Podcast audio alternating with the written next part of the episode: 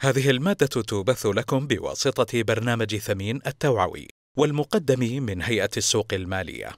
يهدف البرنامج إلى رفع مستوى الثقافة المالية والاستثمارية، حيث يقوم بتقديم رسائله التوعوية عن طريق الكتيبات والفيديوهات والمنشورات المنوعة، بالإضافة إلى اللقاءات وورش العمل. ولمعلومات أكثر عن البرنامج يمكنكم زيارة موقع ثمين الإلكتروني ثمين.org.sa والآن نترك مسامعكم مع الكتيب التالي الاستثمار في سوق الأسهم مقدمة بدأت الشركات السعودية المساهمة بنشاطاتها في أواسط الثلاثينات عندما تم تأسيس أول شركة مساهمة في المملكة العربية السعودية وهي الشركة العربية للسيارات. ومع حلول عام 1975 ميلادية كان هنالك 14 شركة مساهمة واستمر السوق في العمل بشكل غير رسمي حتى عام 1984 حيث عهد إلى مؤسسة النقد مهمة التنظيم اليومي للسوق. وقد تم حصر الوساطة في تداول الأسهم عن طريق البنوك التجارية بهدف تحسين الإطار التنظيمي للتداول. وفي عام 1984 تم تأسيس الشركة السعودية لتسجيل الأسهم عن طريق البنوك التجارية، وتقدم هذه الشركة تسهيلات للتسجيل المركزي للشركات المساهمة وتقوم بتسوية وتقاصي جميع عمليات الأسهم. وقد أدخل نظام التسوية الآلية والتقاص في عام 1989 وتم تطوير النظام الآلي لمعلومات الأسهم وتشغيله من قبل المؤسسة في عام 1990 كما تم تشغيل نظام تداول ابتداء من أكتوبر 2001 وهو النظام الجديد لتداول الأوراق المالية والتقاصي والتسوية. وفي تاريخ الثاني من جماد الآخرة 1424 للهجرة الموافق للحادي والثلاثين من شهر يوليو 2003 تأسست هيئة السوق المالية بموجب نظام السوق المالية الصادر بالمرسوم الملكي رقم ميم تقسيم 30 وتمثل الجهاز الحكومي المسؤول عن إدارة وتنظيم السوق المالية السعودية وترتبط مباشرة برئيس مجلس الوزراء. وتتمتع الهيئة بالشخصية الاعتبارية والاستقلال المالي والإداري. وتهدف الهيئة لتنظيم وتطوير السوق المالية في المملكة. ولها وضع وفرض اللوائح والقواعد الهادفة إلى حماية المستثمرين وضمان العدالة والكفاءة في سوق الأوراق المالية. تمهيد. تعود البدايات التاريخية لسوق الأسهم السعودي إلى عام 1932 ميلادية حين أنشئت أول شركة مساهمة في المملكة العربية السعودية وهي الشركة العربية للسيارات. وتوالى فيما بعد إنشاء شركات أخرى خصوصا في السبعينيات الميلادية إذ تزايدت أعداد هذه الشركات. ومع تطور عدد الشركات المساهمة نشأ سوق غير رسمي للأسهم في أوائل الثمانينات إلى أن صدر الأمر السامي رقم 1230 تقسيم ثمانية في عام 1984 ميلادية بتنظيم التداول وأوكلت مهمة الإشراف على نشاط السوق وتنفيذ القواعد المنظمة لعملية التداول إلى مؤسسة النقد العربي السعودي. وفي عام 1990 بدأ السوق انطلاقة جديدة حيث تم تطبيق النظام الآلي نظام ESIE وهو نظام مختص في التداول وعمليات التسوية والتقاص واستمر العمل به إلى حلول عام 2001 ميلادية حيث تم استبداله بنظام تداول وهو نظام متطور من حيث آليات التداول والتسوية والتقاص يوفر نظام تداول سوقا يقوم على استمرارية إعطاء أوامر البيع والشراء لآخر سعر من خلال التوفيق بين هذين السعرين مع إعطاء معلومات أخرى خاصة بحجم التداول وطبيعة المنشأة. وقد لعبت البنوك التجارية دور الوسيط بين المستثمرين القائمين أو الراغبين في الدخول وبين سوق الأوراق المالية بإدخال الأوامر التي تستقبلها من المستثمرين إلى نظام تداول والتي يتم تصنيفها وترتيبها حسب أفضلية السعر والوقت وعند مقابلة أوامر البيع والشراء وتنفيذها مع بعضها.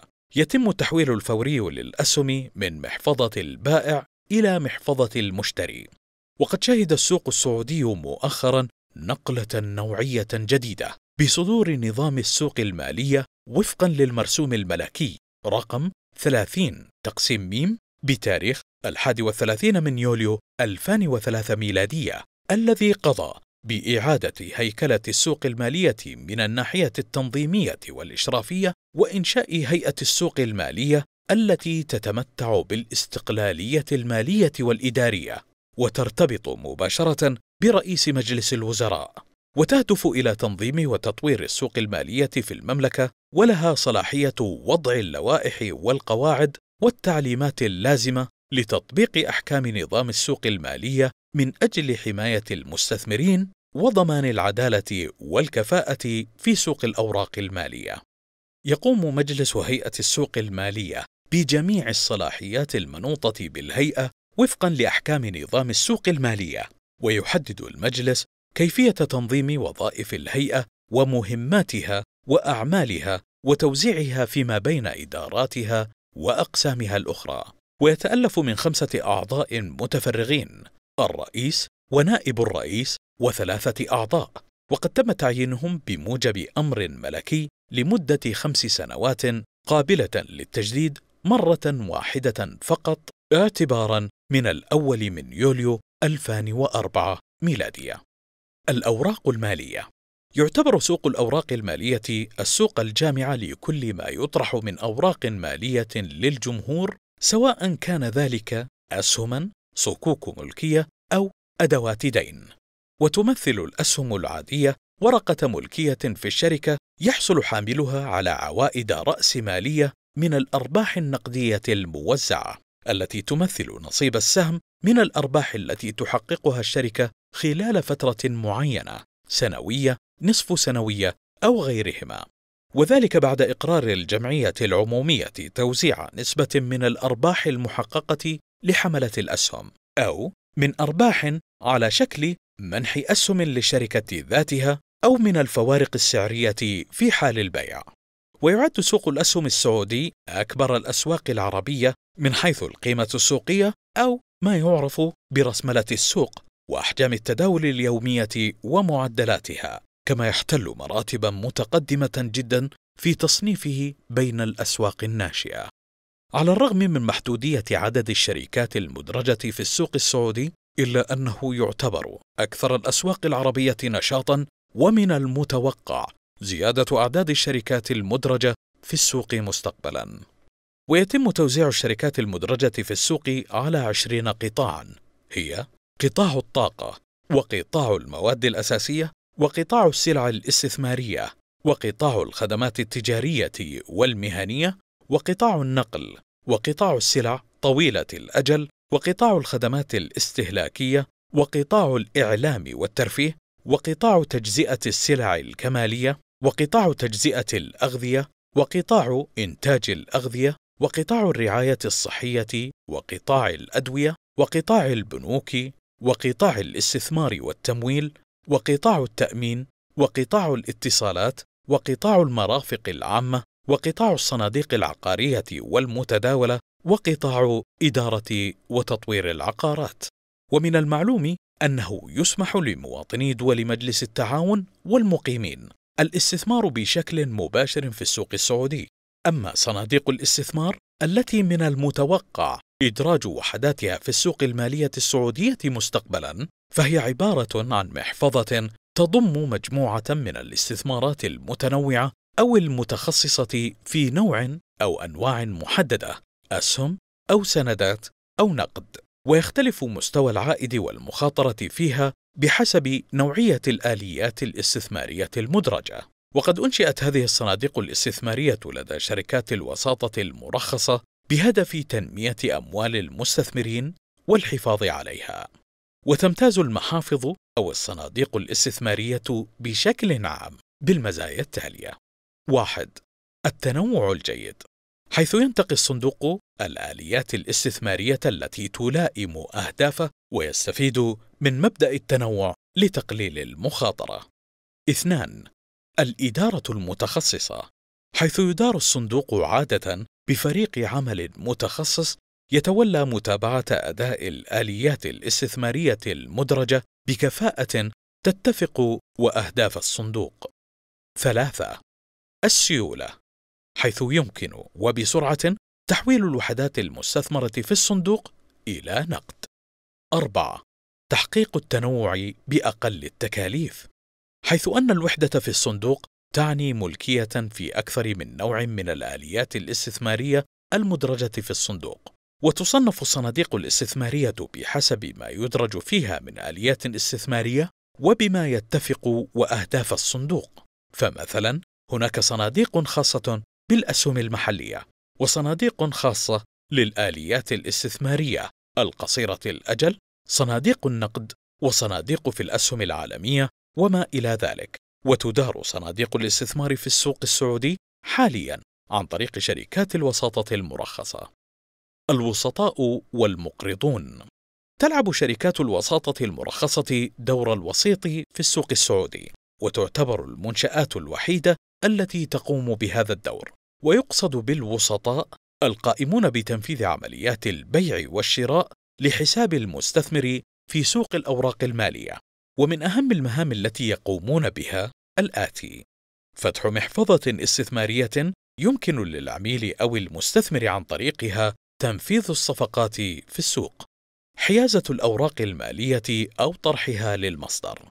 توفير التمويل اللازم والتسهيلات للعملاء للمتاجره بالاسهم أما المقرضون فهم الجهات المالية التي تقرض المستثمرين لهدف واحد فقط وهو الاستثمار في سوق الأسهم. وتلعب البنوك التجارية حاليا هذا الدور.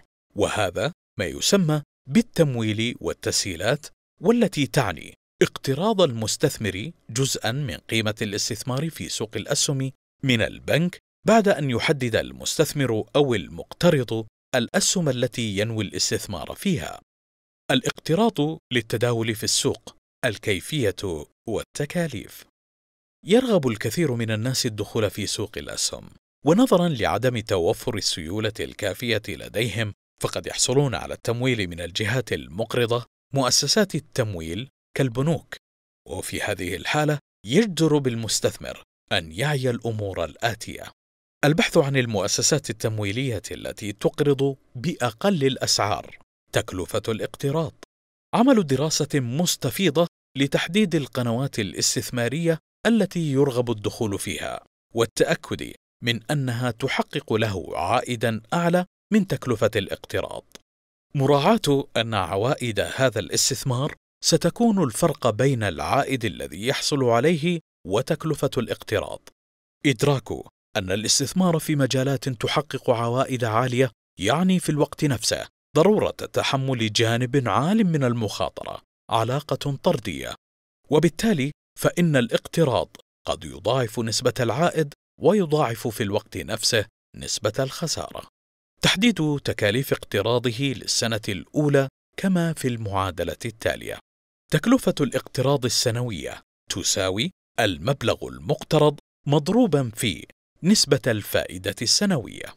تحديد تكاليف الاقتراض لأكثر من سنة كما في المعادلة التالية. إجمالي تكلفة الاقتراض يساوي تكلفة الاقتراض السنوية مضروبا في عدد سنوات الاقتراض. احتساب صافي العائد من الاقتراض كما في المعادلة التالية. إجمالي العائد السنوي من المبلغ المقترض بعد استثماره ناقصا تكلفة الاقتراض السنوية مقسوما على إجمالي قيمة القرض. مؤشر السوق يعطي مؤشر السوق فكرة عامة عن اتجاه أداء السوق، حيث يمثل المقياس الذي يتعرف المستثمر من خلاله على نبض السوق لتحديد اتجاه قوى البيع أو الشراء، والمستوى العام للارتفاع أو الانخفاض في أسعار الشركات المدرجة في السوق وتختلف الكيفية التي من خلالها يحتسب المؤشر. فإما أن يؤخذ حين حسابه بأسعار جميع الأسهم المدرجة أو جزءا منها كعينة يؤمل أن تعكس واقع السوق اجمالا. ورياضيا يحتسب المؤشر من خلال حاصل قسمة إجمالي القيمة السوقية للأسهم المدرجة في السوق في ذلك اليوم. على إجمالي القيمة السوقية للأسهم المدرجة في المؤشر لفترة سابقة وهذا ما يعرف بالمؤشر المرجح بأوزان القيمة السوقية ويمكن أن يحسب المؤشر بطرق أخرى منها متوسط الأسعار باحتساب إجمالي أسعار أسهم مختارة مقسوما على عدد هذه العينة من الأسهم. وتختلف المؤشرات في السوق المالية بحسب ما يرمى إليه من أهداف معلوماتية فهناك مؤشرات مختصة بالسوق عامة ومؤشرات خاصة بقطاعات محددة في السوق أو نوع معين من الشركات مثل الشركات الكبيرة أو الصغيرة الحجم. ويقيس المؤشر العام تاسي في السوق السعودية مستوى الأسعار العام للشركات مقوما بالقيمة السوقية للأسهم الحرة لكل الشركات المدرجة في السوق. أما مؤشر قطاع التجزئة على سبيل المثال فهو مؤشر خاص بقياس مستوى الأسعار العام لشركات التجزئة المتداولة في السوق ومثل ذلك مؤشر قطاع التأمين لشركات التأمين وهكذا في بقية القطاعات. يستفاد من المؤشر إضافة إلى معرفة نبض السوق إمكانية توقع مستقبل السوق بشكل أدق خصوصا عند تحديد طبيعة العلاقة بين بعض المتغيرات الاقتصادية في المؤشر. كيفية التداول وأنواع البيع والشراء يتوجب على المستثمر عند رغبته الدخول لسوق الأوراق المالية القيام بالخطوات التالية: واحد: افتتاح حساب استثماري لدى أحد الوسطاء المصرح لهم بمزاولة أعمال الأوراق المالية في السوق السعودية. اثنان: تعبئة النموذج المحدد عند رغبة المستثمر في شراء أو بيع سهم معين لدى الوسيط الذي يتعامل معه وقد يقدم بعض الوسطاء خدمة الشراء أو البيع عن طريق الإنترنت أو بواسطة الهاتف دون الحاجة لحضور المستثمر. ثلاثة: تحديد نوع الأمر للشراء أو للبيع، فعند تعبئة النموذج على المستثمر اختيار الأمر المناسب، علما بأن الأوامر المتاحة في السوق السعودية حسب الآتي: واحد: أمر البيع الفوري أمر لبيع كمية معينة ومتوفرة بسعر السوق الأفضل. اثنان: أمر الشراء الفوري أمر لشراء كمية محددة متوفرة في السوق بأفضل سعر في السوق. ثلاثة: أمر المطابقة يستخدم لمطابقة ومقابلة أمر موجود في السوق سلفا. أربعة: أمر السوق هو أمر شراء أو بيع عدد محدد من الأسهم حسب الأسعار السائدة في السوق ويقوم النظام باحتساب معادلة الحماية للسعر خمس وحدات تغيير أعلى أو أقل فقط. خمسة الأمر المحدد للسعر هو أمر بيع أو شراء عدد معين من الأسهم بسعر محدد أو أفضل منه حسب السعر السائد في السوق. ستة. الأمر غير المحدد السعر. هو أمر لشراء أو بيع غير مسعر لتداول السهم حسب السعر السائد. سعر التنفيذ في السوق. ويصبح أمرا محدد السعر حالما يتم احتساب السعر الأفضل. ويقوم النظام بتحديد السعر قبل إضافة الأمر إلى القائمة. سبعة. الأمر ذو الكمية غير المعلنة هو الجزء من كمية الأمر الإجمالية التي تظهر على شاشات الوسطاء ويعتبر ذلك ضروريا عند وجود أوامر لكميات كبيرة حيث أن إخفاء الكمية الفعلية للأوامر الكبيرة يسمح بتنفيذ الكميات المعلنة فقط حسب الأسعار السائدة دون التأثير على المستويات السعرية. ثمانية: أمر التنفيذ الكامل فقط. هنا يجب تداول جميع كميات الأمر مرة واحدة. تسعة: الكمية الصغيرة للتنفيذ كل مرة. يتم تداول الأمر بالكمية الصغرى المحددة، وبعد كل عملية تداول تتوفر كمية أخرى للتداول من جديد. عشرة: الحد الأدنى للتنفيذ، وهي أقل كمية يتم تحديدها ليتم التنفيذ بها للأمر للمرة الأولى فقط. رابعاً: يقوم المستثمر بتحديد مدة لصلاحية الأمر، حيث يمكن تحديد الصلاحية كالتالي: واحد أمر اليوم الواحد وهو أمر يكون ساري المفعول حتى إغلاق السوق في يوم التداول الذي تم فيه إدخال الأمر. اثنان: أمر سار لمدة أسبوع، وهو أمر يكون ساري المفعول حتى نهاية الأسبوع الجاري. ثلاثة: أمر سار لمدة شهر، وهو أمر يكون ساري المفعول حتى نهاية الشهر الميلادي الجاري.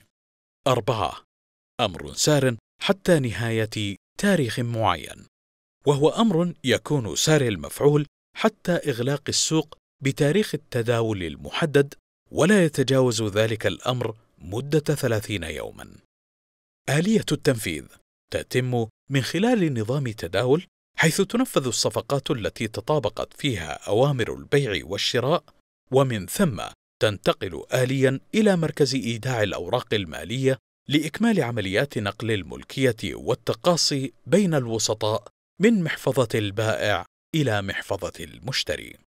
خمسة: أمر تنفيذ أو إلغاء فوري، وهو أمر يجب تنفيذه كاملا أو جزئيا حالما يدخل السوق، وإذا لم يتم تنفيذ الصفقة مباشرة فإن الأمر يلغى تلقائيا. مصادر المعلومات عن الأسهم. يجب أن يبني المستثمر في سوق الأسهم قراره على معلومات وثيقة الصلة بمستقبل السهم. لذلك يجدر به البحث والتحري عن تلك المعلومات ومصادرها. وتتنوع المعلومات التي تهم المستثمرين حسب تنوع احتياجهم وتختلف هذه المصادر حسب نوع المعلومة التي يطلبها المستثمر.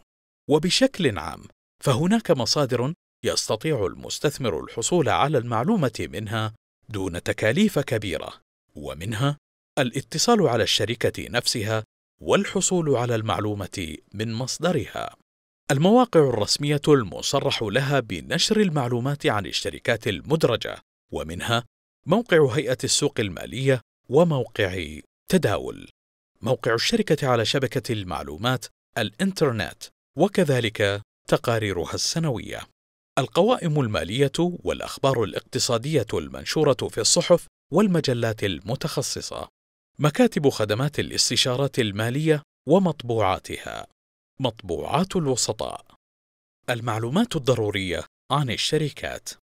يقصد بها أخبار الشركات المستثمر فيها أو المراد الاستثمار فيها وكذلك الأخبار العامة عن الأحوال الاقتصادية. وتختلف هذه المعلومات باختلاف الشركات.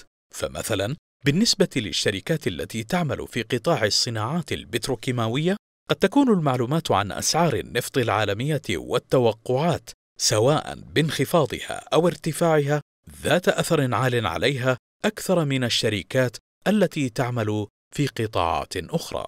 ويجب البحث دائما عن المعلومة المناسبة التي تناسب توجهات المستثمر ونيته في البيع والشراء أو الحيازه إلا أنه بشكل عام. هناك معلومات يجب الالتفات إليها والبحث عنها نظرا لأثرها المباشر في اتخاذ أي قرار استثماري وهي على سبيل الذكر لا الحصر. القوائم المالية للشركة خلال فترات سابقة. تحليلات النسب المالية الماضية بما في ذلك تواريخ الأرباح والتوزيعات إدارة الشركة ومجلس إدارتها والتغير في أدائها خلال السنوات الماضية. الأسعار العالمية للمنتج الذي تنتجه الشركة ومقارنتها. بالأسعار محليا. البحث عن مصادر النمو والتوسع في أعمال الشركة مستقبلا. الأحوال الاقتصادية العامة أسعار النفط التضخم سعر العملة أسعار الفائدة. إلى هنا نصل إلى نهاية الكتيب.